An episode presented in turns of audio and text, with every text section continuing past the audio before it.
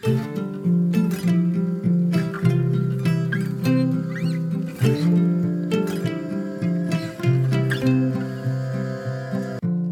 och välkommen till For Health med Anna Sparre. Idag pratar vi på det kontroversiella temat varför du som fysioterapeut, sjukgymnast, lärt dig fel. Det är såklart inte bara ett avsnitt för sjukgymnaster och det blir konkreta tips och övningar för alla. Men populäre Marcus Greus, som själv är utbildad sjukgymnast i grunden och som nu är expert på postural träning, förklarar vad man missar under fysioterapiutbildningen och i arbetsmetodiken som sjukgymnast. Vi går också igenom hur man kan göra istället. Genom de exempel vi pratar om får du tips mot ryggvärk, nackvärk och knäproblem. Och du får tips på hur du blir stark i dina viktigaste hållningsmuskler. Marcus går lite snabbare fram än vanligt med till exempel namn på muskler. Men du som inte är terapeut behöver inte förstå varenda muskel, utan förstår helheten och tipsen. Och som vanligt så flikar jag in förklaringar och sammanfattningar. Och vi kommer att länka till videos med de övningar som vi tar upp i avsnittet. Lyssna också i slutet där jag hänvisar till en del av våra tidigare avsnitt beroende på vad du vill lära dig mer om. På naturshoppen.se får du rabatt om du använder koden SPARRE. Hos Naturshoppen kan du köpa högkvalitativa och även matbaserade tillskott, såsom rätt former av magnesium, mineraldroppar, torskleverolja, kapslar med lever från gräsbetesdjur och Adrenal Cocktail. På getacetrack.com får du 400 kronor rabatt med koden SPARRE. AceTrack från Diversify är utandningsmätaren som hjälper dig att förstå din fettförbränning och metabolism och mäter dina ketoner. Om du gillar det här avsnittet så blir jag så glad om du vill dela med dig av det på Facebook, Instagram och till en vän. Och gå in i iTunes och lämna din recension av podden. Det hjälper oerhört mycket. Tack på förhand! Glöm inte att du kan boka mig som föreläsare och att du hittar mig på Instagram som asparre och på facebook.com forhealth.se. Och är du nyfiken efter avsnittet så hittar du mer information på forhealth.se.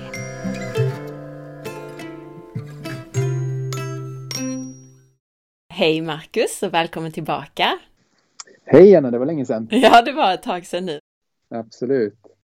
Idag så ska vi prata om det som man lär sig under sin utbildning till fysioterapeut, det som förr kallades för sjukgymnast. Då. Precis. Och rent krast varför en del av det inte funkar eller hjälper patienter. Mm. Och jag vill betona här att du har ju själv den utbildningen i grunden, vilket du berättar mer om i avsnitt 176, vårt första avsnitt. Precis. Kan du börja med att berätta lite allmänt om vad man lär sig under fysioterapiutbildningen? Absolut. Jag, eh, jag kan ju ta och berätta om, om min egen erfarenhet där. Jag gick ju kursen, eller kursen ska jag säga, hela utbildningen då eh, i slutet av 90-talet från 96 och framåt. Och eh, eh, bland de första sakerna man lär sig är ju att man, man läser ju anatomi och fysiologi, vilket är naturligtvis väldigt bra. Och så läser man en del träningslära och eh, neuroanatomi. Så man läser ju om både det muskuloskeletala systemet och nervsystemet och alla de här bitarna. Och sen så, sen så läser man faktiskt en, en hel radda med olika andra ämnen då som ju kan vara väldigt viktiga då om man ska jobba eh, inom exempelvis slutenvården eller man kanske ska jobba med eh, äldreomsorg, inom äldreomsorgen eller, eller då eh, på lasarett där man har lite specialdelar eh, som man kan behöva kunna då.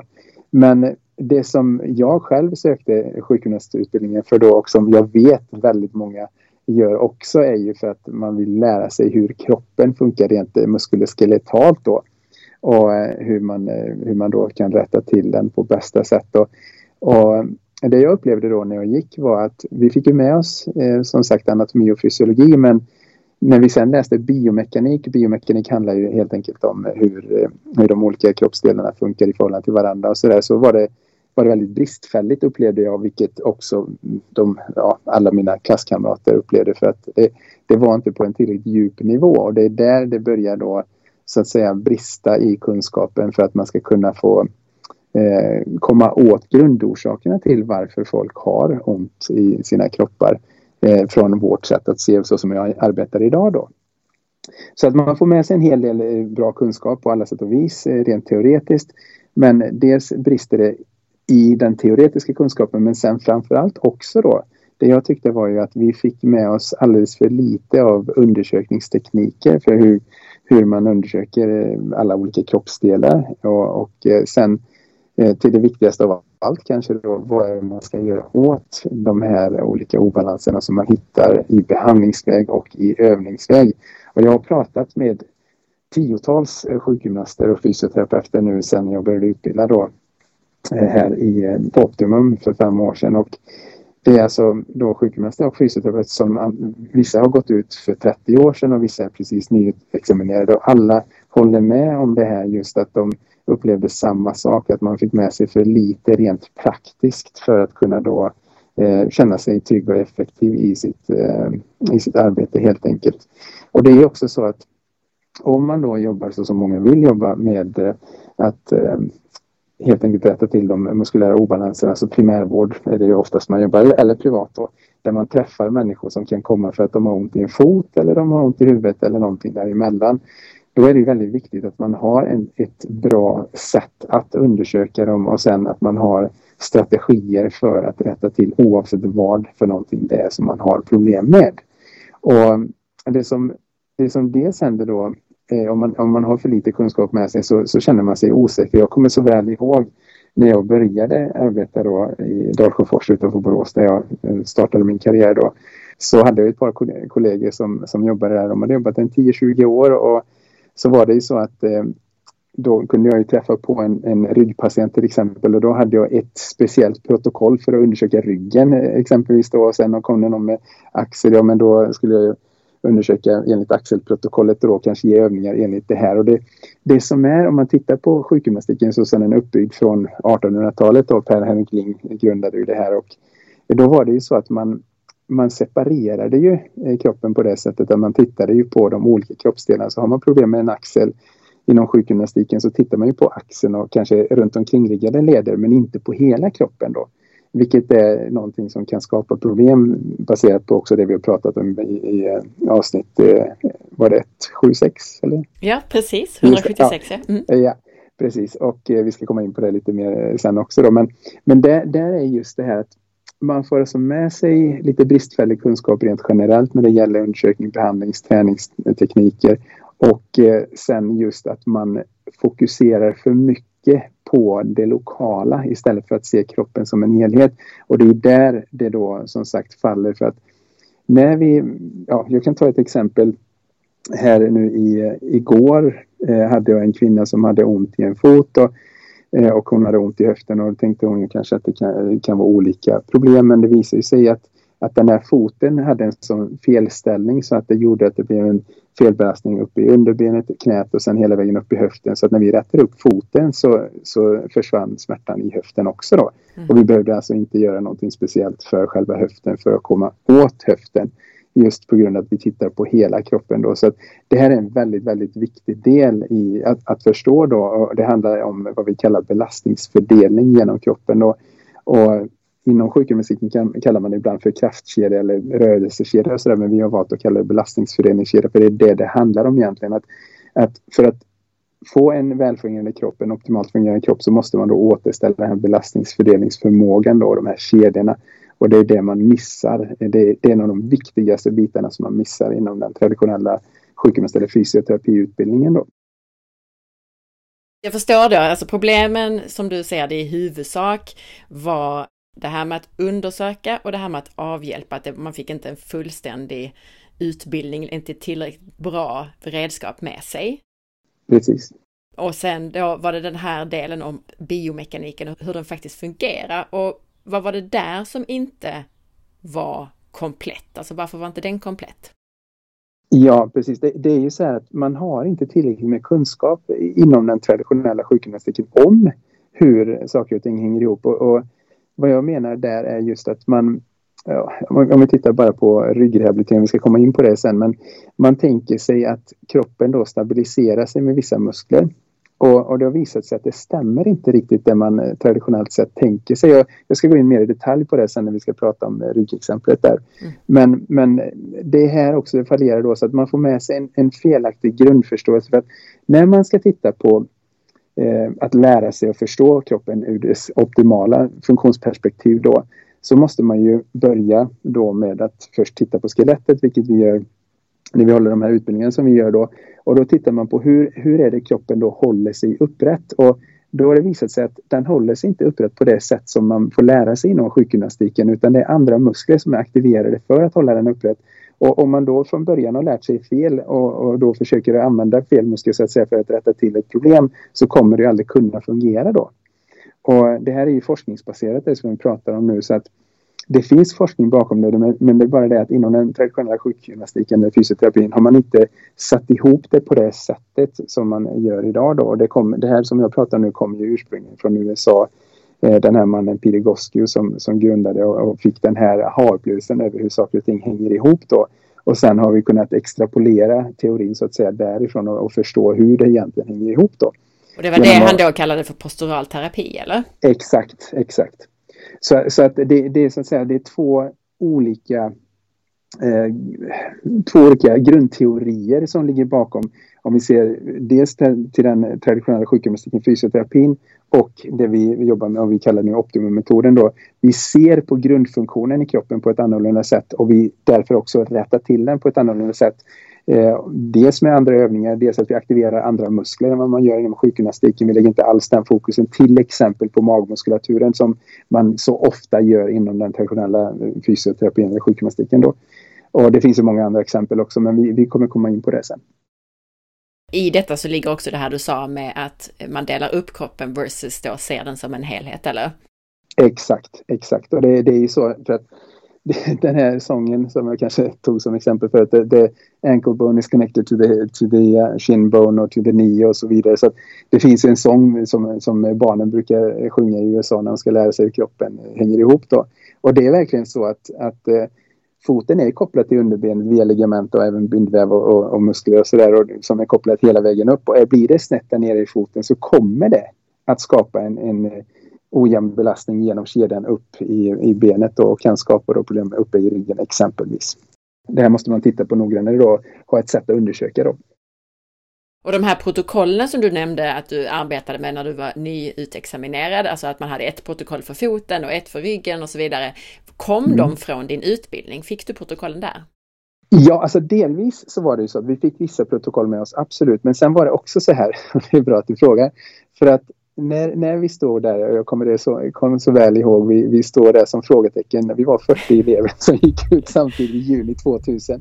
Och så sa vi det, ska vi verkligen kunna gå ut och hjälpa folk nu alltså? och, vi, och vi kände oss alla helt ofullständigt utbildade. Och, och så, så sa ju lärarna, ja ja men det är nu ni ska börja lära när ni kommer ut i praktiken. Och tänkte jag, men hur skulle det bli ifall en ifall en frisör exempelvis går ut och ska nu träna på sina kunder. hur ska det resultatet bli liksom?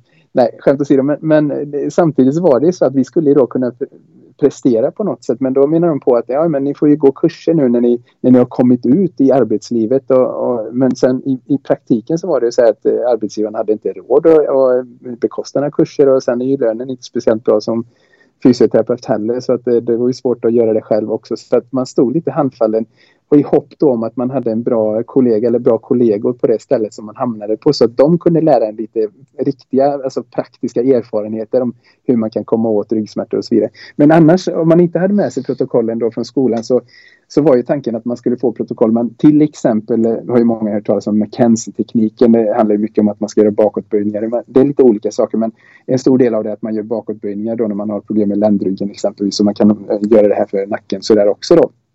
Men, men att då har man ett speciellt protokoll som man använder när man ska undersöka en patient som kommer för ländryggsmärta med McKenzie-tekniken. Och då, det som händer då är att då har du ett protokoll för ländryggen och sen så har du ett annat protokoll för axeln och sen har du ett tredje protokoll för bröstrygg och så vidare. Va? Så att det, det, det, blir ingen ordning och reda på saker och ting och, och, det tyckte jag var väldigt jobbigt personligen.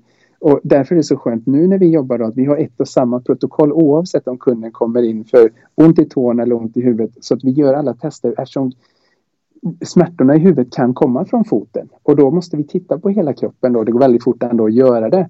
Men att vi, vi tittar på samma sätt oavsett vad de söker för, för att vi vet att saker och ting hänger ihop med vartannat. Och ena gången så kan huvudvärken komma från nacken och andra gången kan den komma från en sned höft till exempel. Och då måste vi titta på alla delar varje gång. Ska vi ta några vanliga problem eller diagnoser som exempel och, så att vi gör det ännu mer konkret? Absolut.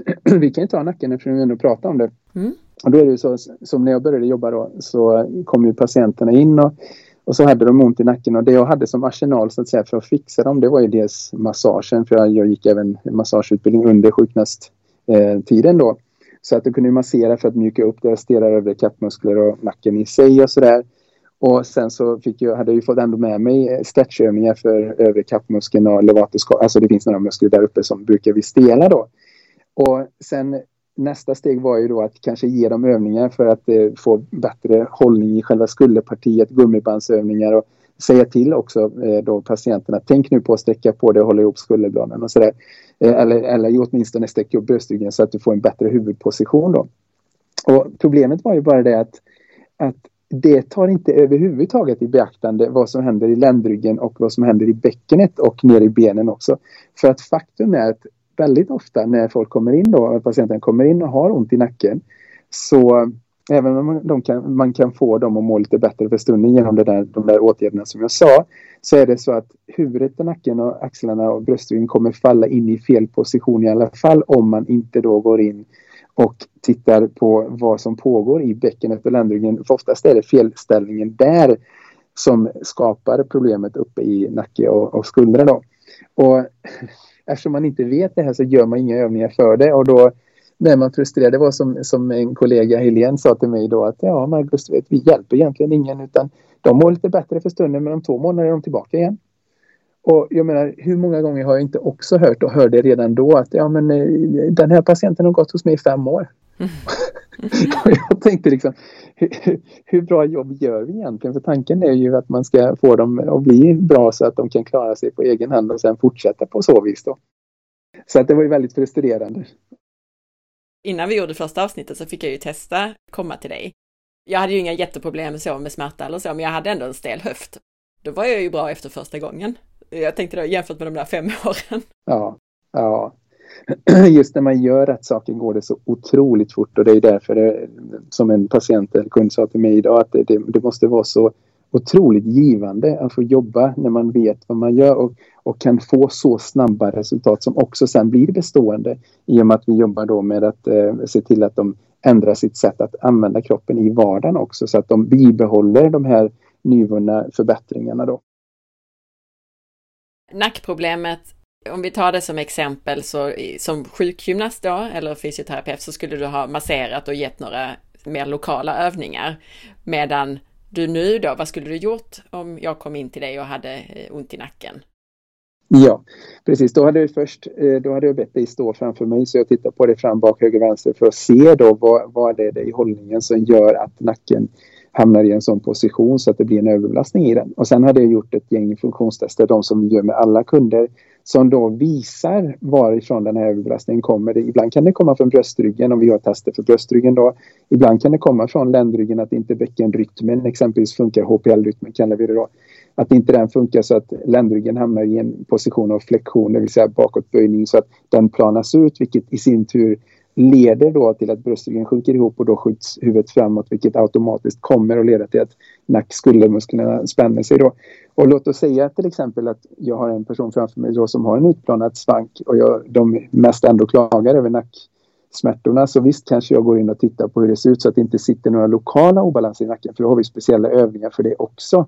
Men om jag skulle märka då att nej, men det sitter egentligen inget speciellt i nacken i sig utan de har bara den här generella verken i övre nacke skuldra som är beroende av att huvudet faller fram på grund av att ländryggen är ur position. Då skulle jag lagt mer krut på att ge dem övningar för att fixa ländryggen, bäckenet så att den kommer i position och sen om, om det är satt stelheter i bröstryggen också så att ta hand om det för att huvudet och nacken kan hamna i sin rätta position vilket i sin tur leder till att orsaken till att de här eh, spänningarna i nacke och övre skulder då försvinner. Mm. Så att det är en helt, helt annan approach. Jag tänker att alla som lyssnar är nog inte fysioterapeuter och sjukgymnaster. Och för att förenkla det du sa, det är ju lite det vi har pratat om i tidigare avsnitt. Vi har ju gjort ett avsnitt för problem med varje kroppsdel i stort sett. Alltså ett för nacke, ett för huvudkäke, ett för rygg och så vidare. Ja, just det.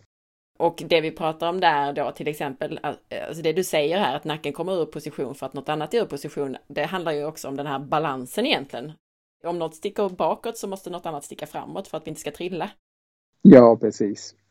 Precis. Och sen, sen ska jag naturligtvis säga nu också ett problem som, som är mer aktuellt nu för tiden är ju det här paddanacken eller iPhone-nacken då att man faktiskt får en lokal obalans i nacken också. Så att då har vi speciella övningar som vi gör också för att balansera djupa halsmuskulaturen, djupa nackretraktionsmuskulaturen då som man faktiskt jobbar en del med inom sjukgymnastiken, men vi gör det på ett lite annorlunda sätt och som är väldigt effektivt och ger väldigt snabb effekt. Då.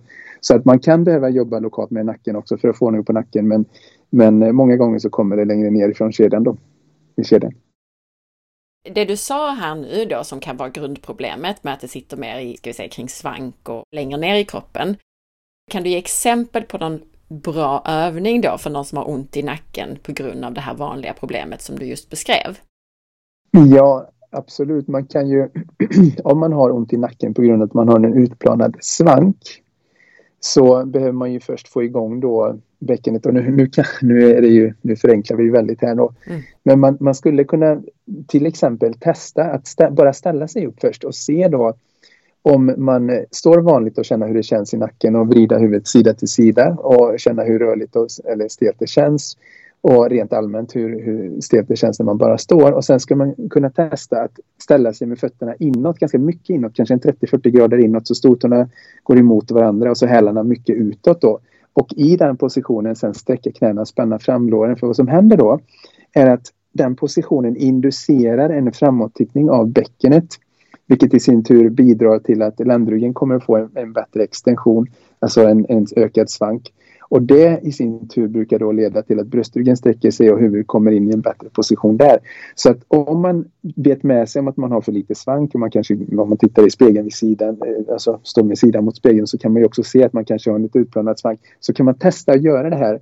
Och är det så att man då märker att ja, men jag fick lite mer svank och då samtidigt känner att ja, men det känns faktiskt lite bättre uppe i nackeskulder och lite rörligare, lite mer avslappnat. Då, då tyder det på att man behöver jobba med det. Och då kan man göra en övning som heter sitting knee squeezes till exempel.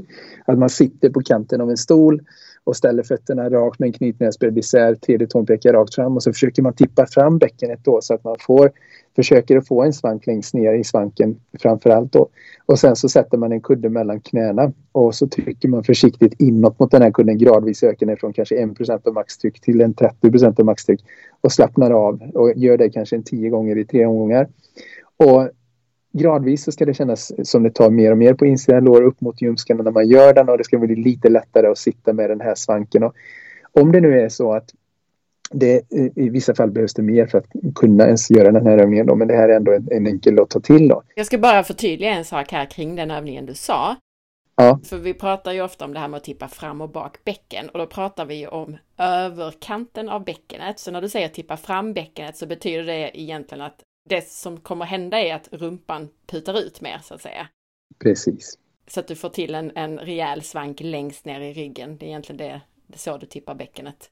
Så att överdelen av bäckenet tippas fram. Och där sitter ja. du då längst ut på en stol eller ett lågt bord eller någonting och kniper ihop en kudde kontrollerat mellan knäna så att du får jobba på insida lår upp mot ljumsken.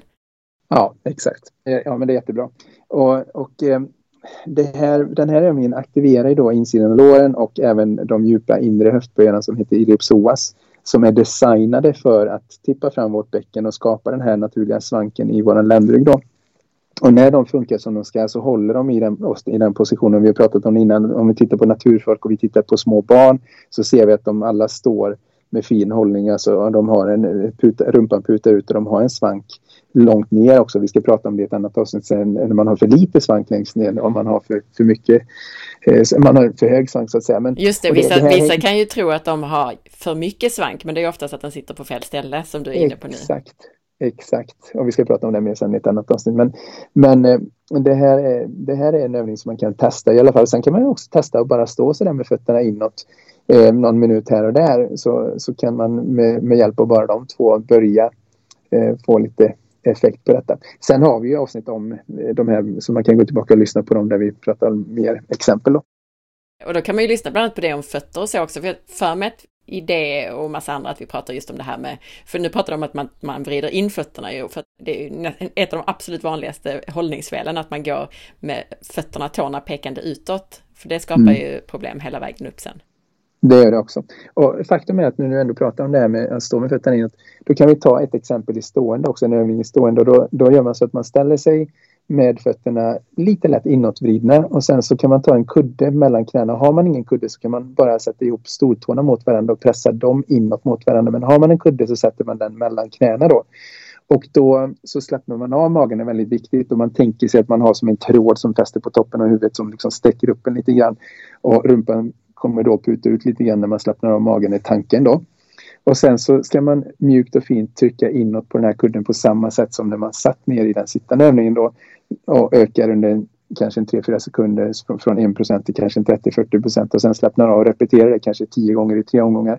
Och många känner då i början att knäna vill böja sig och det vill spänna i framsida lår, utsida lår, rumpan och magen och ryggen vill spänna sig. Men det som ska hända då, om någonting av det där händer, är att det ska sakta men säkert minska mer och mer så att det ska kännas mer och mer på insidan av låren upp mot ljumskarna då. Så att man får bra kontakt eh, upp i ljumskarna för att de kopplar då på i sin tur iliopsoas höftböjaren som, som ska då bidra till att ge bättre svank och det här sen kan avlasta nacken. Då. Jag står här vid mitt ståbord just nu och testar precis det du säger att jag trycker ihop tårna. Så jag känner det där insida lår upp i ljumsken, höftböjaren. Men Jättebra. vad menar du att man skulle ha kudden om man hade en kudde? Skulle man ha det mellan tårna då? Nej, mellan knäna. Mellan knäna, okej. Okay, för man mellan pressar knäna. med tårna, man pressar inte med knäna. Ja, ja, har du en kudde mellan, mellan knäna så pressar du med knäna. Men har du ingen kudde så pressar du ihop tårna istället då. Okej. Okay. Ja. Och den här övningen är väldigt bra för övrigt att göra om man har stående arbete. Man står framför ett skrivbord eh, på dagarna och sådär. Eller överlag om man står längre stunder så kan man göra den här, säg att man kollar på en fotbollsmatch eller vad som helst. Så kan man göra den här för att då trigga igång den här postural, alltså hållningskedjan. Och den avlastar även då ländryggsmuskulaturen. Många blir trötta i ländryggsfiléerna när de står längre stunder. Så det här kan vara ett, ett sätt att då få dem att slappna av lite grann. Ah, så man aktiverar eh, den riktiga hållningsmuskulaturen så att man får slappna av i de där kompensatoriska? Precis. Och, och, och det, det, det, är ju förresten en av de sakerna som, som är sån skillnad på just eh, om vi går tillbaka lite grann till vad det man lär sig och inte lär sig på, på fysioterapiutbildningen. Så man lär sig inte vilka eh, hållningsmusklerna är så som vi ser på det nu eh, baserat på forskning om hur tyngdkraften faller genom kroppen. Då. Och då, inom den traditionella sjukgymnastiken eller fysioterapin så tänker man då att magmuskulaturen bland annat är en del av hållningsmuskulaturen vilket inte stämmer. För det, det är bara att titta på små barn så ser man att magen är avslappnad när de står. De andas ju och magen åker ut och in. Så att den ska ju vara avslappnad när vi, när vi då bara står. Och istället är det då den djupa eh, insida lår, höftböjare och djupa ryggfilémuskulaturen som, som ska jobba och inte den ytliga ryggmuskulaturen som många blir så trött i då. Så att den ska egentligen vara avslappnad relativt sett när man står upp. Och det är också en sån här myt att man, man är för svag i den om man eh, exempelvis inte orkar stå upp och man måste stärka den. Och istället säger man att man ska stretcha höftböjarna vilket eh, inte stämmer alls så ofta som man tror utan tvärtom handlar det om att man måste stärka dem och det är någonting som är helt tabu oftast inom träning att man ska stärka höftböjarna för att då, de är redan för starka och det är därför man får ont i ryggen anser man då vilket är fullständigt fel. Jag ska säga två saker här. Det ena är ju det här, där du nämnde nu då, de här viktiga, bland annat höftböjen, är då det som vi kallar för den äkta, eller som jag nämnde, benämnde den äkta hållningsmuskulaturen. Ja. Och sen eh, skulle jag också vilja säga det att det ena behöver inte utesluta det andra, så man kan ju stretcha höftböjaren och stärka den. Absolut, och det gör vi också i de fall där det behövs. Men många gånger så, så när man tror att man är stram i höftbenen så är det istället att man är stram i ryggfiléerna för de överarbetar och höftbenen är försvagade istället då. Och så att man har inte det, riktigt rätt sätt att testa om höftböjaren är stram eller inte då. Så att eh, det, det är någonting som man behöver titta på också så att man lär sig att kolla vad är det som egentligen händer och vad är det man behöver stretcha och stärka. Ska vi ta en till diagnos? För det var ja, lite om nacken och lite om generellt också kring hållningsmuskulaturen. Ja, men precis. Och då kommer vi faktiskt till ländryggen då. Och om man tänker sig traditionellt hur jag jobbade som sjukgymnast då när jag, när jag började min karriär innan jag lärde mig detta så var det ju det att jag eh, man ska försöka få ryggfiléerna att slappna av då. Ofta var det också det att du, du är för svag i dina rygg, alltså erektormuskler, den ytliga ryggmuskulaturen. Och, trots att många då har sagt att jag har gjort massa ryggresningar och jag har tränat hur mycket som helst och ändå säger sjukgymnasten att jag är svag där. Vilket eh, oftast inte stämmer alls för att den, den behöver inte vara speciellt stark överhuvudtaget faktiskt för att man ska kunna ha en välfungerande rygg, visar det sig. Utan det är ofta att den är övertränad istället. Man har tränat den alldeles för mycket. Och, och sen det andra som man gör när man har problem med ländryggen är ju att man dels stretchar höftbenen då. och sen, vilket inte behöver vara fel då. Men, men att det många gånger behöver den stärkas istället. Och sen stärker man med att lägga jättemycket krut på magmuskulaturen. Speciellt den djupa magmuskulaturen. Och inget fel i att ha en stark magmuskulatur. Det är absolut inte det jag säger. Men låt oss ta det här exemplet låt oss säga att personen som kommer, patienten kommer in och har ont i ländryggen när de sitter framför datorn i stolen. Hur mycket ska magmusklerna spänna sig när man sitter i en stol? Nej, de ska, ska vara man med? Ja, precis. precis. Man ska ju andas med magen så att det som ska hålla dig upprätt i sittande i stolen och i stående även när du bara strosar, går och sådär. Det är ju den djupa hållningsmuskulaturen, insida lår, höftböjare, djupa ryggmuskulaturen, men inte ytliga ryggmuskulaturen, inte magmuskulaturen. Utan magmuskeln ska ju slå på när du gör olika rörelser, hopp och studs och sådär. Så att om en person har ont när de böjer, vrider och lyfter exempelvis, ja men då kan det vara så att det, det börjar handla om att magmuskeln är så de inte skapar det här buktrycket som då avlastar diskarna. Men eh, väldigt många människor har ju ont i statiska positioner och då måste man ju titta på vad är det som inte funkar här då. Och så fixa till det där. Oftast är det då att man eh, dels är stel i rygg, ryggraden i sig om man har stelnat till i bröstryggen så man måste fixa den och axlarna är framåtskjuten position så man måste fixa dem. Men sen behöver man ofta då stärka den här djupa posturalkedjan inklusive då höftböjarna för att man ska orka sitta med en fin hållning utan att det känns jobbigt i ryggen då, till exempel. Och vi kan säga det också eh, gällande ryggbehandling. Det kan också vara så att man jobbar med McKenzie-extensioner. Det kan vara jättebra, alltså de här bakåtsträckningarna av ryggen om man har problem med diskbråck till exempel. Och, och eh, det kan vara så att man jobbar med manipulationer och sådär. Men kruxet är ju det här. Om man manipulerar ryggen så måste man ställa sig frågan, okej, okay, men varför har ryggen hamnat i en sån position eller bäckenet eller korsbenet hamnat snett? Eh, så att man måste manipulera. Och då är oftast svaret det att eh, det finns muskulära obalanser som, som då skapar den här snedheten. Och låt oss säga att en person kommer in, eh, en annan person kommer in från till ländryggen och så, så börjar vi titta på dem för vi tittar ju på hela personen.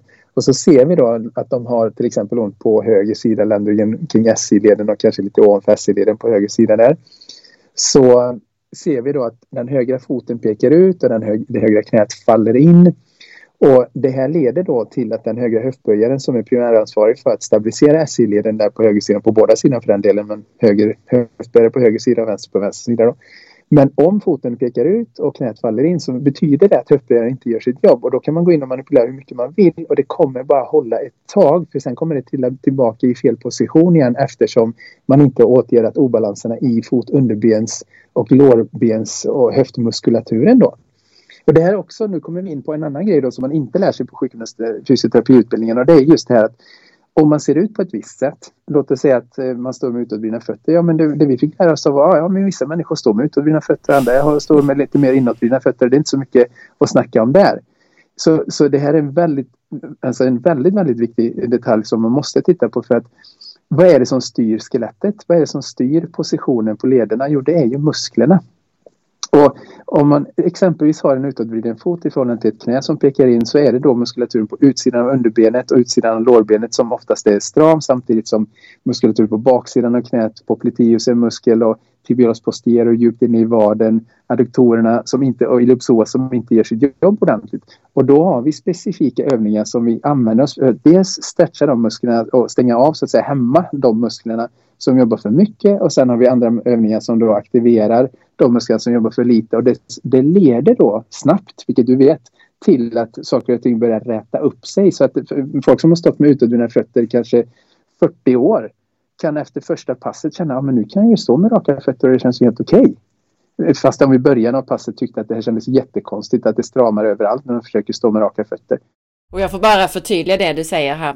För när du säger utåtvridna fötter, inåtfallande knä, så betyder det egentligen om man normalt sett har fötterna pekande utåt. Om du då ställer mittentårna pekande rakt fram så kommer det kännas som att du står helt kobent därför att dina knän som var raka när du hade fötterna utåt, de faller ju in då helt plötsligt. Exakt. Så att bara för att förtydliga liksom mer visuellt hur det kan se ut. Ja, och det, det här är ju nästan det vanligaste vi ser. Sen finns det de som, som har fötter som pekar ut och knäna pekar också ut. Och det, det är egentligen bättre, men det, det, är fortfarande inte bra om det är så att man står med utåtvridna fötter och utåtvridna knän och man sen testar att ställa sig med raka fötter och det känns stramt för det betyder att du har en obalans mellan adduktorkomplexet och eh, lateralkedjan, alltså de yttre musklerna och yttre höfterna och så. Och det leder också till att iliopsoas och eh, den primära posturalkedjan som ska stabilisera ryggen inte klarar av sitt jobb. Vilket gör att väldigt många vältränade människor har så mycket spänningar i sin rygg fast de är så vältränade. Och det är för att de har en sån obalans mellan in och utsida där i första hand. Då. Och sen kan det finnas obalanser upp och ner i kedjan också men, men det här är någonting som vi, som vi ser väldigt vanligt förekommande då. Var det något mer där då angående det här med vad var vi på egentligen? Var det ryggen? Vi, vi, var, vi var på ländryggen där ja. och eh, det är väl egentligen grunden då att, att eh, traditionellt sett så fokuserar man kanske då på att stärka magen, stärka ryggen, stretcha höftbenen, manipulera, man kanske gör McKenzie-extensioner och, Eh, och där kan man också se McKenzie-extensioner för det, det, är en fantastisk teknik. Men om, om låt oss säga att man har fått ett diskbråck och det orsakades då av att höger fot eh, pekar ut eftersom man kanske hade brutit eller stukat foten och så har man gått snett med den foten och då har höftbenen stängt av på den sidan vilket har lett till att bäckenet börjat vrida sig bakåt, alltså en bakåttippning på höger sida som bidrar till att korsbenet lägger sig snett och så blir det snett i själva ländryggens nedre del också då. Om man då går in och gör McKenzie-extensioner på det så i vissa fall kanske det hjälper men i många fall gör det inte det åtminstone permanent. För att problemet till varför kotorna hamnar på sniskan är ju att foten är sned som gör att inte höftböjaren kan hålla bäckenet och korsbenet i rätt position. Så vi måste jobba på rätt sak helt enkelt. Men, och det här, hade man det här hade vi ingen eh, som eh, helst aning om när, när jag i alla fall gick utbildningen. Och då har jag pratat med massor med, med fysioterapeuter nu de sista åren och de säger ju samma sak att det här fick de inte alls lära sig att man kan påverka då till exempel fotens position och att det i sin tur gör att ryggen då eh, kommer, eh, kotorna i ryggen hamnar i rätt position eftersom bäckenet kommer i rätt position på grund av att höftböjaren kan fungera då. Så att det är tripp, trapp, trull-effekten där. Har du något exempel då på någon övning för eh, fötter och knän så att säga för att få ordning på ryggen? Ja, alltså det, den första övningen vi brukar göra är ju runners stretch. Eh, den finns ju med också säkert i första avsnittet redan. Men runners stretch är en väldigt bra övning för att börja rätta upp eh, fötter som pekar ut. Och eh, det släpper alltså spänningar i vad, utsida baksida lår. Och eh, sen så när man har gjort den så brukar vi också lägga in spider crawls som övning nummer två. För att den tvingar så att säga igång höftböjaren på ett effektivt sätt och gör så att den, de inåtvridna knäna börjar räta upp sig. Så vi kan lägga dem som länkar sen. Och, så, det finns ju fler övningar också men vi kan ju börja där. Ja men precis, vi hinner inte ta hur många som helst eftersom vi går igenom flera diagnoser. Men det är precis som du säger, ja. vi har pratat om de här övningarna i tidigare avsnitt, runner stretch och sådana här spider crawls. Ja. Men bara för att kort beskriva hur man gör runner stretch. Ja, Ja, om man står framför ett bord eller en bänk eller vad som helst så, så låt oss säga att vi ställer vänster fot in under bordet och eh, tredje tån pekas rakt fram och sen så backar jag bak med högerfoten så pass långt bak så att jag känner att det börjar stretcha i höger vad så att jag står liksom i gångstå ja, gångstående så här. Och man kan antingen stå på linje med fötterna så att de är rakt på linje med varandra eller så står man i höftbredd om det inte känns bra att stå på linje då generellt sett när man står på linjen kan man få lite bättre effekt. Men när man då står i denna position med raka, raka ben, spända lår, eh, raka fötter så fäller man sig sedan framåt från höfterna för att då eh, få en stretch på baklåret på det främre benet och sen så har man ju redan en stretch på vaden på det bakre benet då. Och det här hjälper då till att börja eh, hämma de här stelheterna i, i eh, baksida, utsida, underben och lår som vrider fötterna utåt och i förhållande till knäna. Och sen gör man det kanske en sex andetag. Man andas in, andas ut och fäller sig mer och mer framför varje andetag. Och sen byter man sida och så gör man ett par, tre gånger på varje sida då. Jag gör så att jag lägger upp de här videosarna till de här övningarna på måndag då efter att vi har publicerat ja. det här avsnittet. Ja, det blir jättebra. Och sen spider crawl är ju, ja, man, man, eh, det är ungefär som en ljumskstretch och den kommer från yogan egentligen. Man kommer ner egentligen i armhävningsposition håller händerna helt ihop och sen så låt oss säga att vi börjar med höger ben så lyfter man fram höger foten till utsidan av eh, höger hand då så att man, eh, man står liksom i split, split eller spagatposition blir det igen. Spagatposition blir det igen. Mm. Ja. Och eh, sen så tänker man sig att man sjunker fram och ner i botten men jag tror det, det är nästan lättare att titta på videon sen för att eh, det, det, kan vara lite trixigt att bara ta det på, på muntlig instruktion. Så. Är det någon annan diagnos som är vanlig som vi skulle prata om? Absolut, jag, jag tänkte vi kan ta eh, två till här. Vi har, om vi pratar om knän, för det är också någonting som är väldigt vanligt och vi kan prata om alla delar men vi kanske inte hinner allting idag. Just. Men ont i knäna, det, då kan man ju ha löparknä till exempel eller hopparknä. Låt oss säga löparknä då.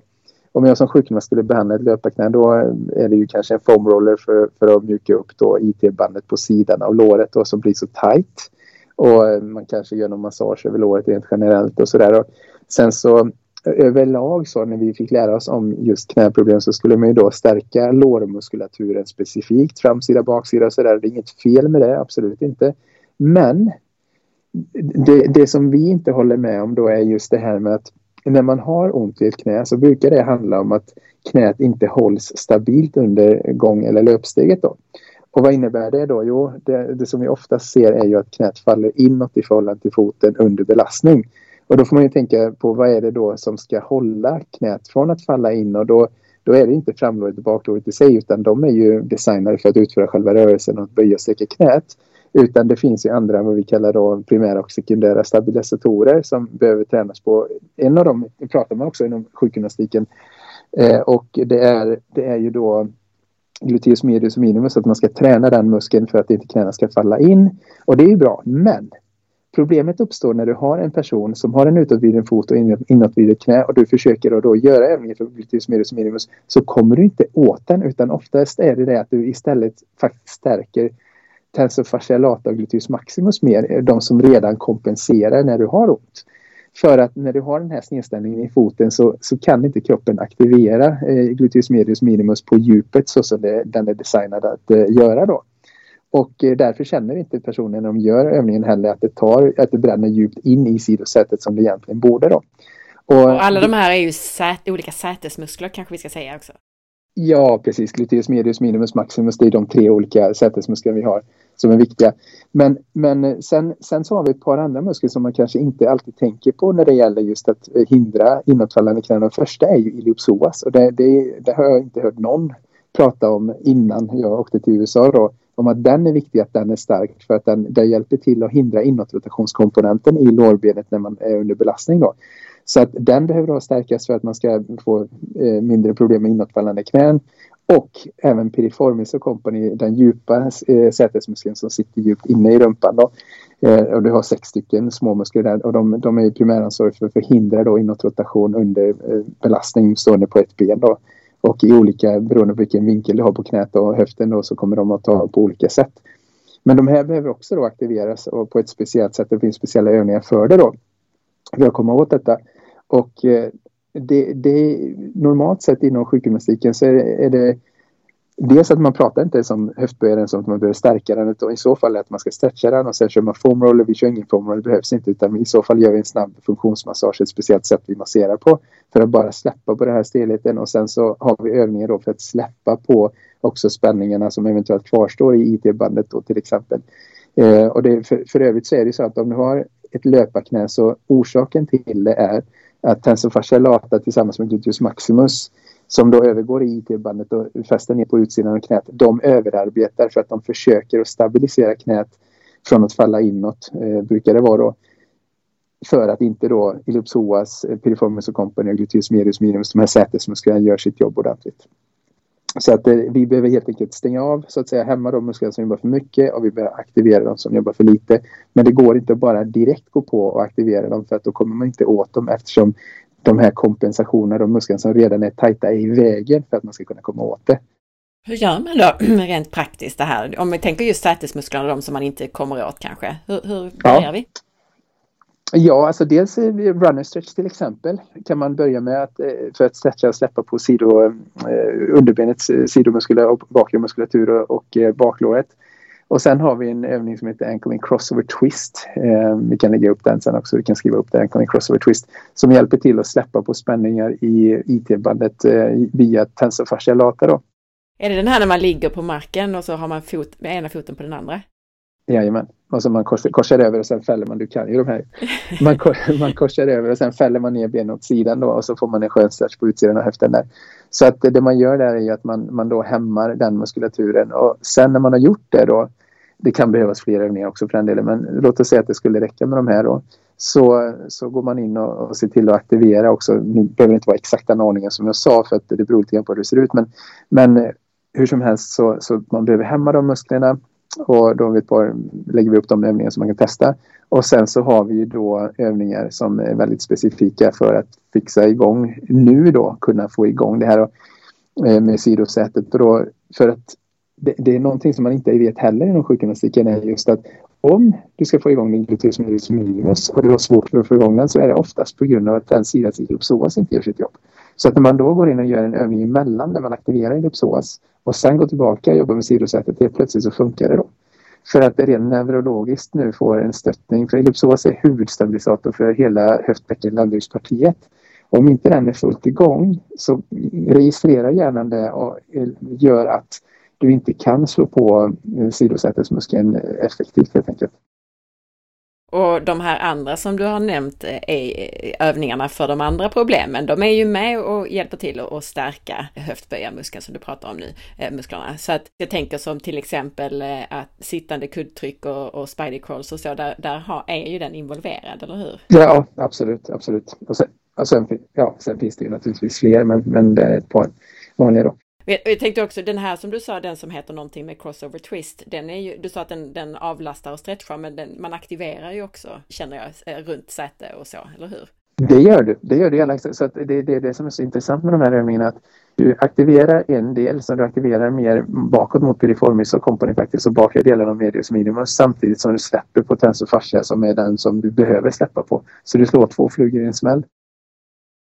Ja, men det minns jag allra första gången jag gjorde den så hade jag lite dålig kontakt där på ena sidan i den övningen. Mm. Mm. Ja, det är ju det vanligaste. Ja, så, så om man sammanfattar knäproblemet så är det helt enkelt att, att eh, normalt sett inom sjukgymnastiken så har man eh, kanske lite för mycket fokus på lårmuskulaturen i sig, att den behöver bli så stark för att den, den får man med på köpet ändå i knäböj och utfall och sånt som man sen gör i alla fall.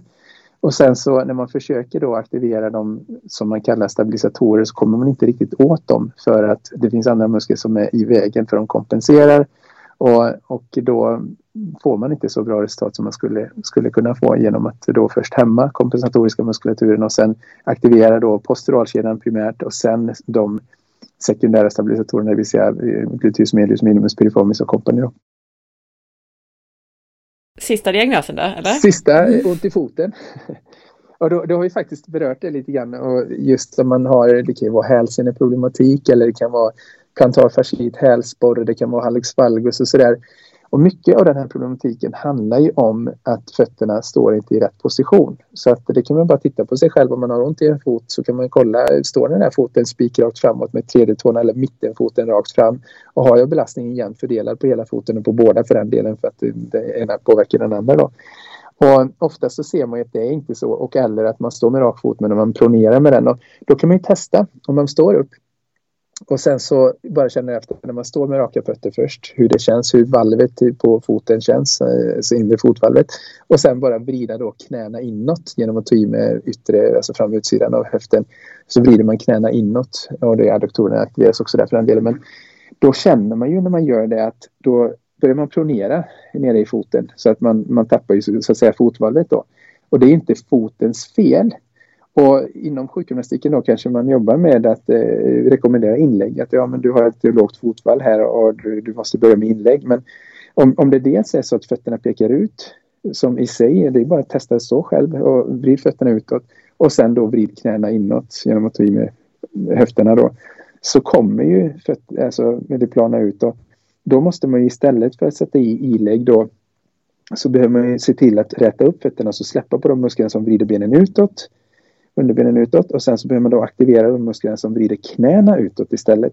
Så att när knäna vrids utåt så kommer det, det att leda till att fotvalven lyfts. Och då blir man av med hälsporre och plantar fascit och sådana här saker och hallux valgus blir bättre och så vidare också då. Eftersom den uppstår ju på grund av en snedbelastning som oftast kommer uppifrån. Och det kan ha att göra med skor självklart, det ska vi inte bortse ifrån. Men nu tittar vi bara på skillnaden då. Så inom sjukgymnastiken så är man mer lokal, jobbar mer runt foten kanske. Jag, kommer, jag tänker tillbaka på en, en artikel som var i sjukgymnasttidningen. Den hette ju så för eh, 20 år sedan någonting. Och då var det övningar för Alex Valgus att man skulle dra med ett gummiband med stortån då för att man skulle rätta till den.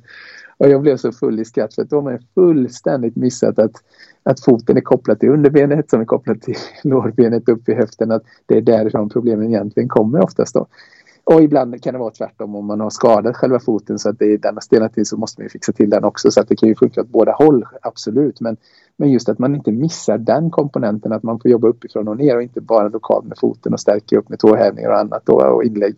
Mm. För att det, det hjälper ju egentligen inte och det är många som också har börjat med med illegala inlägg då som, som kanske blivit lite bättre i foten men så har de fått upp, ont upp i ett knä istället eller upp i en höft för att det skapar en onaturlig snedställning där eftersom du, du liksom artificiellt rättar upp foten. Jag tänkte bara inflika lite, jag tror vi får backa lite bara förtydliga några saker. Men jag tänkte också säga det att vi har ju faktiskt ett separat avsnitt om just hallux valgus, den här fotknölen och ofta inflammerade den här tåleden så att säga. Just det. Och jag tror att det är 182 som är det avsnittet. Men jag tänkte bara backa lite för att det gick snabbt här för den som inte är utbildad fysioterapeut. Det här du sa att man kan testa lite grann, att man står med fötterna rakt fram och sen så simulerar man då det här som ofta händer om man är van vid att gå med tårna pekande utåt så har man ju inåtfallande knän. Alltså. Så att det man gör är att man står med fötterna rakt fram och så försöker man medvetet falla in med knäna eh, kan man säga. Och då Precis. kommer man ju få tyngden på insida fot och plana ut fotvalvet. Mm, exakt. Och det är det som är problemet. Så det var det du menade man skulle känna efter så, eller hur? Ja, precis. Så att eh, det är inget fel på foten i sig utan den, den ändrar sin position för att man ändrar höfternas och det, alltså då knänas position så att då trycker det ju neråt på fötterna. Precis, och då sa du att en viktig sak här är att stärka de musklerna som drar ut knäna eh, för att komma åt det här problemet. Och hur stärker vi de musklerna? Det är ju det som vi fotcirkelövningen kan vi lägga till där, eh, mm. foot circles, point plexus. Och, och sen har vi sittande på stol, lyfta ett knä i taget. Mm. De två kan vi, kan vi ha som exempel där. Men då måste man först ha gjort den här runner stretch och sådär så att man först kan stå med någorlunda raka fötter utan det känns konstigt för annars kommer man inte få effekt av den. Så det är också en av de här sakerna som är så viktiga i när vi jobbar då att vi, vi måste göra saker i rätt ordning för annars blir det inte bra. Och, och, då har vi ett speciellt flöde som vi arbetar efter som man lär sig när man går utbildning hos oss då. Att exakt i vilken ordning rättar vi till oavsett vem som kommer in genom dörren så, så har vi alltid samma grundordning men det är inte så att man behöver göra alla saker med varje person för de har inte alla obalanser utan man gör bara de delar som krävs då. Fotcirkel som, eller fotcirklar som vi har pratat om i tidigare avsnitt och som vi också då lägger upp som en video på måndag. Det är ju det här att man ligger ner på, på golvet, man aktiverar höftböjaren genom att dra knät uppåt mot eh, bröstkorgen så att säga och sen så gör man då cirklar inåt och utåt med fötterna kontrollerat. Precis, precis. Och sen den här sittande benlyft, det är väl att man sitter så som vid sittande kuddtryck, va? Att man sitter och svankar längst ner och sen så, men att man då lyfter benet istället från marken. Ja, taget. exakt. Och det, det, här håller man också ihop skulderbladen då för att man ska orka hålla fram bäckenet. För att när man lyfter benet så har bäckenet en, en tendens att tippa bakåt då och då tappar man effekt. För det är många som gör det här med ja, det är inte jobbigt alls, säger de. Nej, men vänta lite nu så ställer jag mig och, och hjälper dem att hålla ländryggbäckenpositionen. Så oj då, jösses, jag klarar inte av att lyfta mer än 5-10 centimeter. Då. Så att eh, den är rätt tuff faktiskt för att det är ändläget för själva höftleden. Så det är därför det, det, man kommer, man är så nära ändläget och därför blir det så jobbigt. Och det är bara höftleden som kan jobba egentligen från 90 grader uppåt också så att man isolerar iliopsoas FBA-muskeln genom att eh, ta i på det sättet. Då. Det är en övning jag brukar göra själv men det är precis som du säger där, det här med att tippa höften igen då, att man, man måste ha bäckenet framåt tippat, alltså rumpan ska puta ut hela tiden så man inte tappar det, för då, då förlorar man effekten. Ja, och en annan viktig sak där är att, att man håller tårna lite inåtvridna och, och att man håller knäna lite bredare än fötterna då så att man kommer åt fram insidan av ljumsken ska det kännas när man lyfter upp. Och um, den, är, den biter bra när man gör den ordentligt. Absolut. Jag eh, mm. bekräftar. yes. Vad bra Marcus. Var det något mer där kring det? Men jag, tror, jag tror det är det viktigaste där just att, att få förståelsen att jobbar vi lokalt eller jobbar, jobbar vi globalt?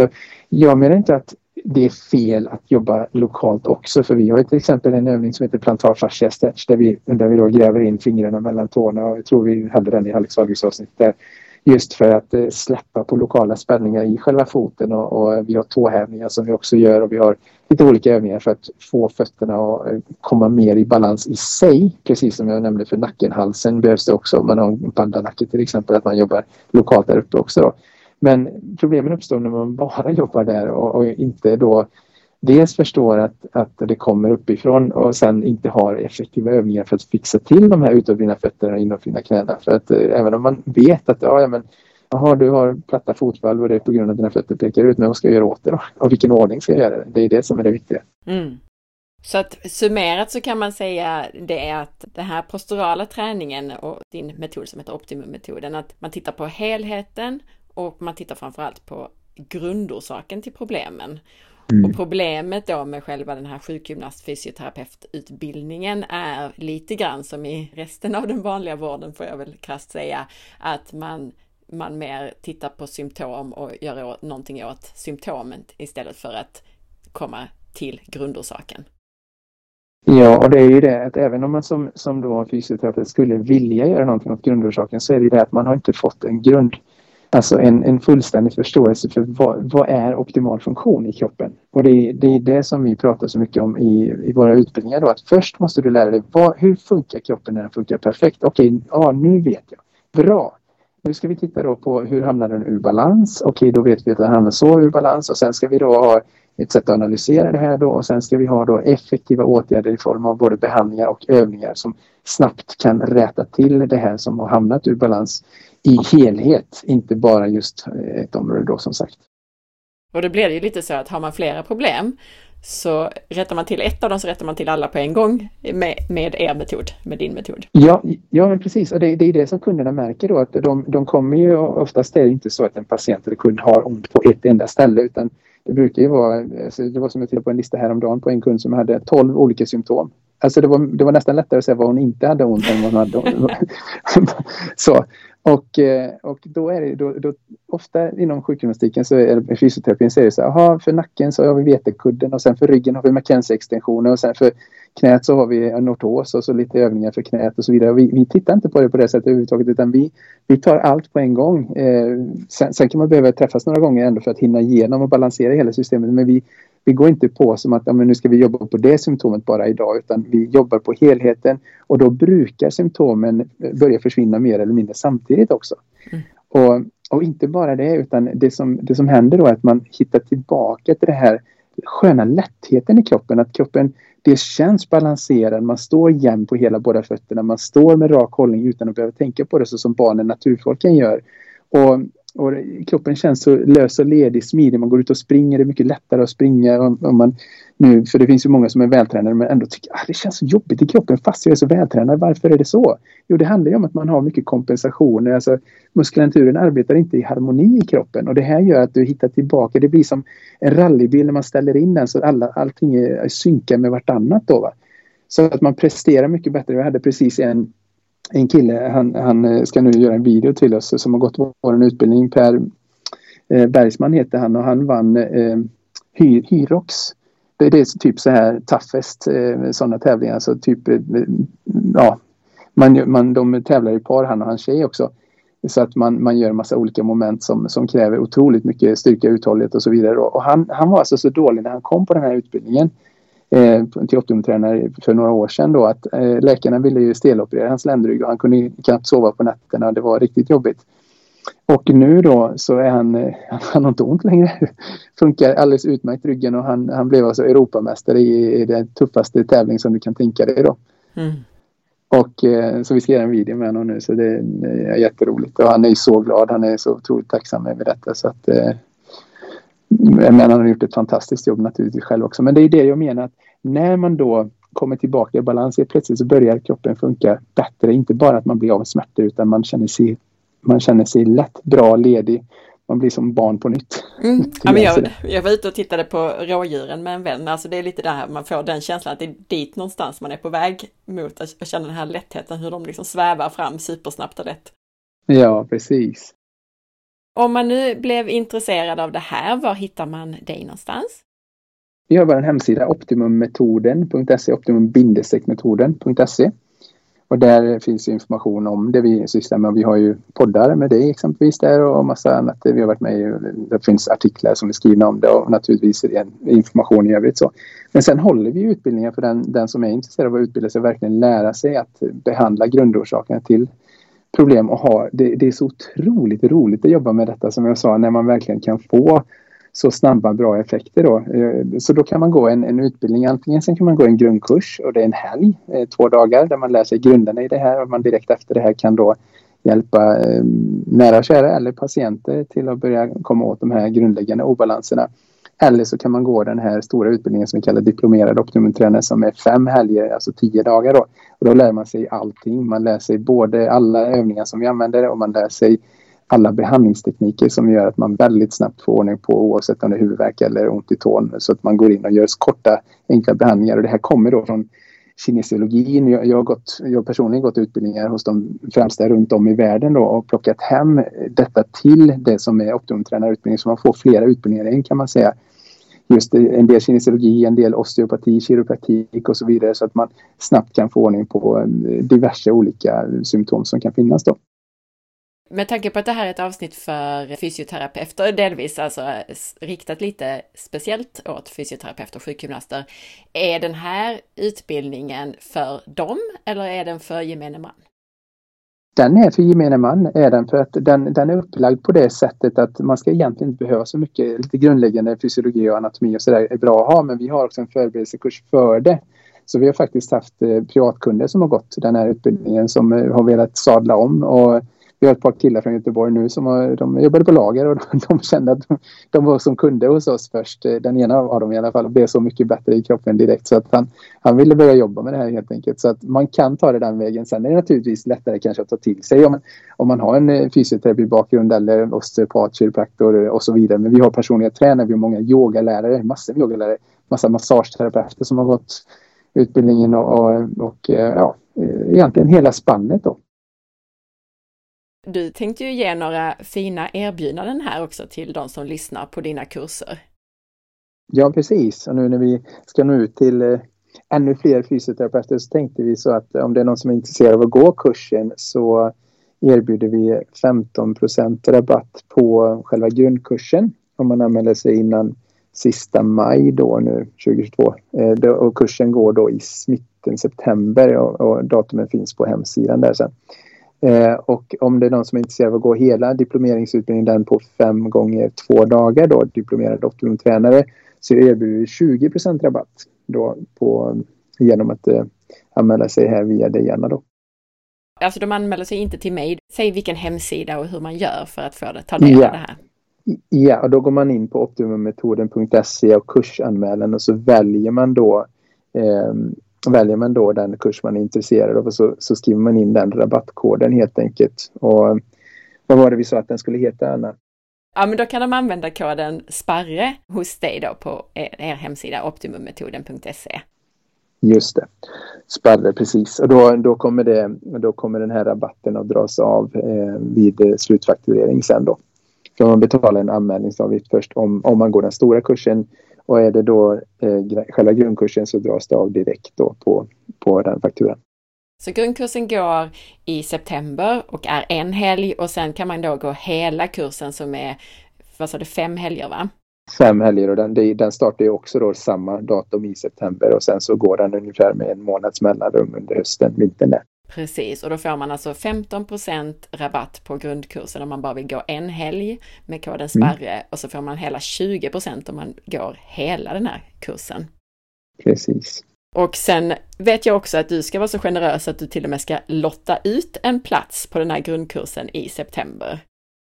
Precis, vi vill ju nu när vi når ut till förhoppningsvis många fysioterapeuter då, så, så tänkte vi att eh, om man taggar då någon på din Instagram där Anna. Just det, vid inlägget om det här avsnittet, så om man taggar på Instagram i kommentarerna, terapeuter eller andra, som du sa så funkar det ju att gå den här kursen även om man inte är sjukgymnast eller terapeut. Att man ja. taggar dem som man tycker borde gå den här kursen vid inlägget på Instagram som handlar om det här avsnittet så eh, är man med och har en chans att vinna en egen plats på grundutbildningen i september. Precis.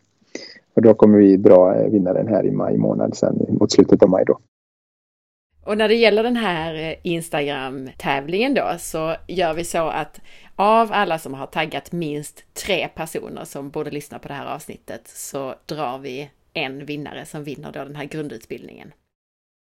Om det skulle vara så att någon har anmält sig redan till kursen och sen vinner platsen, vad händer då? Ja, då betalas eh, kursavgiften tillbaka helt enkelt. Så det är inga problem. Vill man gå kursen så anmäler man sig helt enkelt. Precis. Tusen tack för all den här konkreta informationen som du har delat med dig av idag. Är det någonting som du vill avsluta med och summera? Ja, alltså det här är ju ett eh, väldigt, väldigt viktigt arbete vi gör och eh, det är så många som, som har ont. Bara i Sverige har vi en och en halv miljon människor som har ont i rygg och nacke varje dag trots att det finns, eh, vad jag har sett, 12, 12 000 fysioterapeuter i Sverige och alla vill ju göra så bra jobb som möjligt men eftersom inte kunskapen har funnits så är det inte så lätt att göra det. Jag kunde inte heller innan jag åkte över till USA.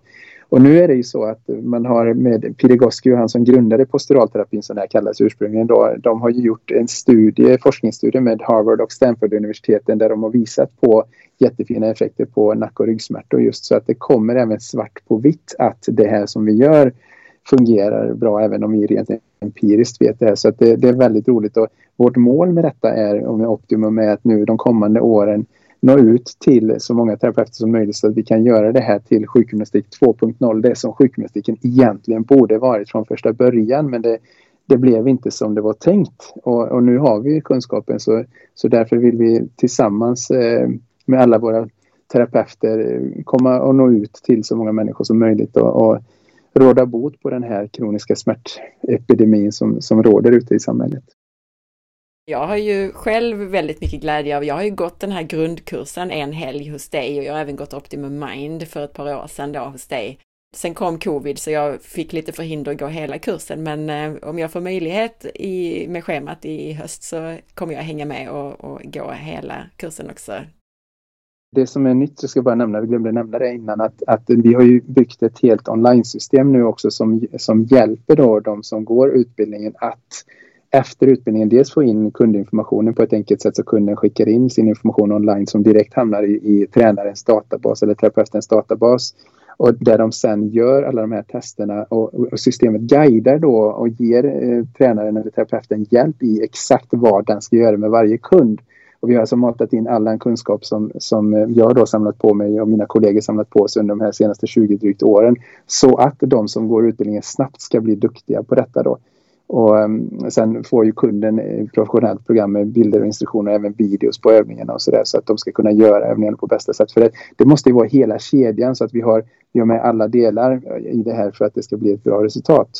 Och det här systemet kommer också kunna synkas mot journalsystem för de som jobbar som fysioterapeuter. Att man kan bara spara ner en pdf och koppla det till journalen sen så att man behöver inte göra en massa extra anteckningar i journalen utan man kan göra, jobba i det här systemet och sen bara föra över det in i journalen sen då.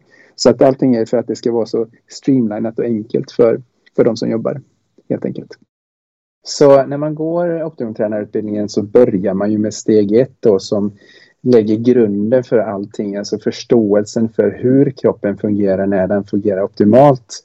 Eh, och då tittar vi helt enkelt på allt ifrån hållning och till statiska positioner och under hur den fungerar optimalt under rörelse. Hur de här djupa inre posturala musklerna är så otroligt viktiga för detta och även sekundära stabilisatorer som vi kallar dem. Och som är så mycket viktigare än de andra musklerna som man normalt sett tänker på när man tänker rehabilitering och annan träning. Då. Så dels lär vi oss det under första steget och sen ett enkelt sätt att analysera olika obalanser, de vanligast förekommande obalanserna och sen då att vi går igenom övningar för hur man rätar till de här så att direkt efter det här första steget, första helgen så kan man börja hjälpa sina nära och kära eller patienter, kunder, hur, beroende på hur man jobbar då. Och för den som då vill lära sig mer och lära sig det här verkligen på djupet så, så går man de här resterande fyra stegen och i steg två då så går vi mer in på fördjupning av hur eh, vilka obalanser det kan finnas i armar och ben bland annat och hur man kan hamna i passgång bland annat. Det är ett, tillst ett neurologiskt tillstånd där inte nervsystemet skickar signal på rätt sätt vilket gör att man har svårt att röra sig på ett enkelt eh, smidigt sätt bland annat då.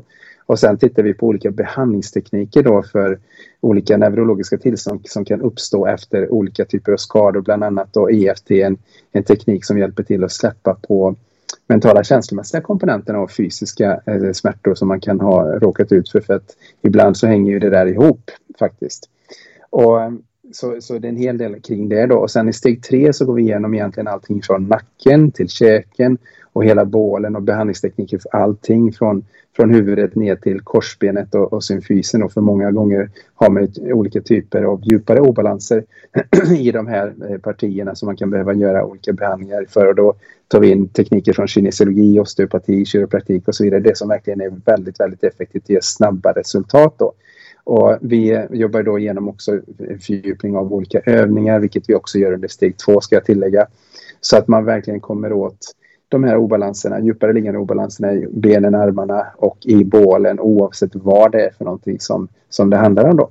Och sen i steg fyra då går vi in på det här som är ofta inte mer intressant för killar då, som är intresserade av mer tuffare träning, att vi går på en, en eh, typ av eh, funktionell styrketräning där man då tar i beaktande den djupa posturala muskulaturen men sen lägger på då en eh, hårdare yttre belastning helt enkelt antingen med egen kroppsvikt och eller med med hantlar, vikter och så vidare så att man får byggt upp en riktig styrka inifrån och ut. Och det, det som är så häftigt här är just att när man gör de här övningarna så märker man att man börjar bli mycket starkare och kan få en mycket bättre prestationsförmåga. Vi har jobbat med många av våra världsmästare och olympiska mästare inom olika idrotter eh, och har sett otroligt fina effekter och förbättringar av prestationsförmågan samtidigt som skaderiskerna minskar. Då. Och det här är någonting som man kanske inte tänker på för när man tänker ja, ja men postural terapi, träning, det handlar om yoga, det handlar om djupa inre muskler. Men det här är alltså att det, det skapar en överföringseffekt så att man får väldigt fin eh, utväxling på sin övriga träning, kan utveckla sin prestationsförmåga jättefint då. Och jag måste flika in där, för vi har ju ja. gjort ett avsnitt för alla i, om just styrketräning och gymträning och vad som kan vara optimalt. Jag tror det är avsnitt 189. Ja, just det. Ja, där pratar vi dels, delvis om detta också. Just, och då går vi naturligtvis djupt på det här i steg fyra. Då, så att, speciellt killarna brukar uppskatta det här då när de får ta i lite hårdare. Då. Och, så, och så känner just att de presterar så mycket bättre både i löpning och styrketräning och annan, annan träning. Då. Så att det, det här är väldigt, väldigt spännande. Då. Och sen i steg fem som är det sista steget så syr vi ihop säcken. Så att man verkligen blir effektiv. Alltså oavsett vem som kommer in genom dörren, om det är någon som har ont i tån eller ont i huvudet, det är alltid emellan och många har ju ont på många ställen då. Att man kan då komma åt alla typer av problem helt enkelt. Och att man använder då samma analyssystem men att det kan vara olika vilka åtgärderna blir då beroende på var obalanserna sitter. För ibland sitter det i bäckenet när man har ont i nacken och ibland sitter det i axeln när man har ont i höften och så vidare. Så att vi, vi har ett, ett eh, komplett system att analysera alla typer av obalanser och komma åt dem då.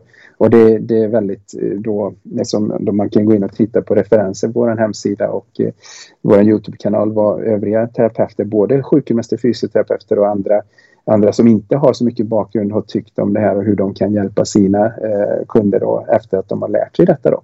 Så att eh, det, då, genom de här fem stegen så får man med sig ett komplett paket och de, dessutom efter det så har man det här online-systemet som vi pratade om lite grann tidigare då att man kan med hjälp av det då både analysera sekunder och få eh, i kombination med historiken så hjälper systemet en att skapa en åtgärdsstrategi och visa då vilka delar man ska behandla för att man ska få optimalt resultat med sin kund helt enkelt oavsett vad det handlar om. Och eh, sen så journalförs det här också så att det kan användas också mot vanliga journalsystem, bland annat som, som eh, fysioterapeuter använder. Då. Så att eh, tanken är att när man går den här utbildningen så får man med sig både teorin, behandlingarna, övningarna och ett helt komplett system för att kunna behandla vem och vad som helst egentligen. Och du skulle lägga upp en länk också? Eller att vi lägger en länk i avsnittsinformationen, eller hur? Precis, vi ska lägga en länk där jag visar då hur jag behandlar en kund eh, under ett första besök. Då, en hel behandlingsgenomgång då så man får se hur jag gör analysen, hur jag gör behandlingarna, vilka övningar jag väljer och förklarar varför jag gör det jag gör och sen får man se då hur kunden reagerar på detta. Det är riktigt spännande. Och jag träffade den här kunden igen igår faktiskt och eh, hon, hon är smärtfri första gången på ett antal år i ryggen och eh, huvudvärken är i princip helt borta, den som hon haft över 30 års tid. Hon försökte få ordning på den innan då. Hon, hon sa det att jag, jag hade börjat bli bitter verkligen för jag trodde att jag skulle få leva med det här och det så visar sig nu då att det inte alls fallet. På måndag när vi lägger alla de här övningarna så kan vi också lägga videon där du visar i det inlägget. Så finns allt samlat också. Ja, absolut. Toppen Marcus! Tusen tack igen! Tack själv! Och vi hörs! Ja, vi hörs snart för ett nytt avsnitt. För dig som vill förstå det här ännu mer rekommenderar jag att lyssna på våra tidigare avsnitt med Marcus. Vi har gjort många avsnitt, men börja gärna med vårt längre grundläggande avsnitt i 176. Avsnitt 180 handlar om det vanliga fotbesväret hallux valgus. I avsnitt 189 pratar vi om hur du styrketränar på rätt sätt. Avsnitt 195 handlar om värk i nacke och axlar. I 198 pratar vi ryggvärk. 245 handlar om problem med knän och fötter. Men det finns många fler avsnitt med Marcus. Gå till forhealth.se podcastregister för en komplett guide till alla avsnitt. Som lyssnare får du hela 20% rabatt på hela sortimentet på nyttoteket.se med koden SPARRE20. Hos Nyttoteket kan du bland annat köpa benbuljong i form av Real Broth, kollagen, MCT-olja och bärpulver. Allt av absolut högsta kvalitet och helt utan onödiga tillsatser.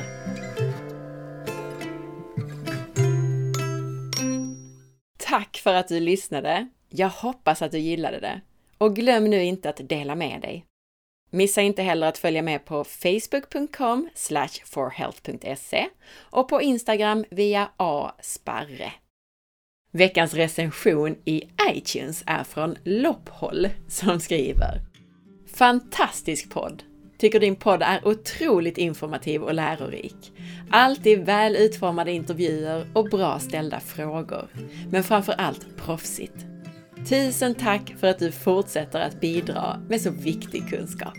Från Sofia. Tusen tack! Ha nu en riktigt fin dag så hörs vi snart igen. Hej då!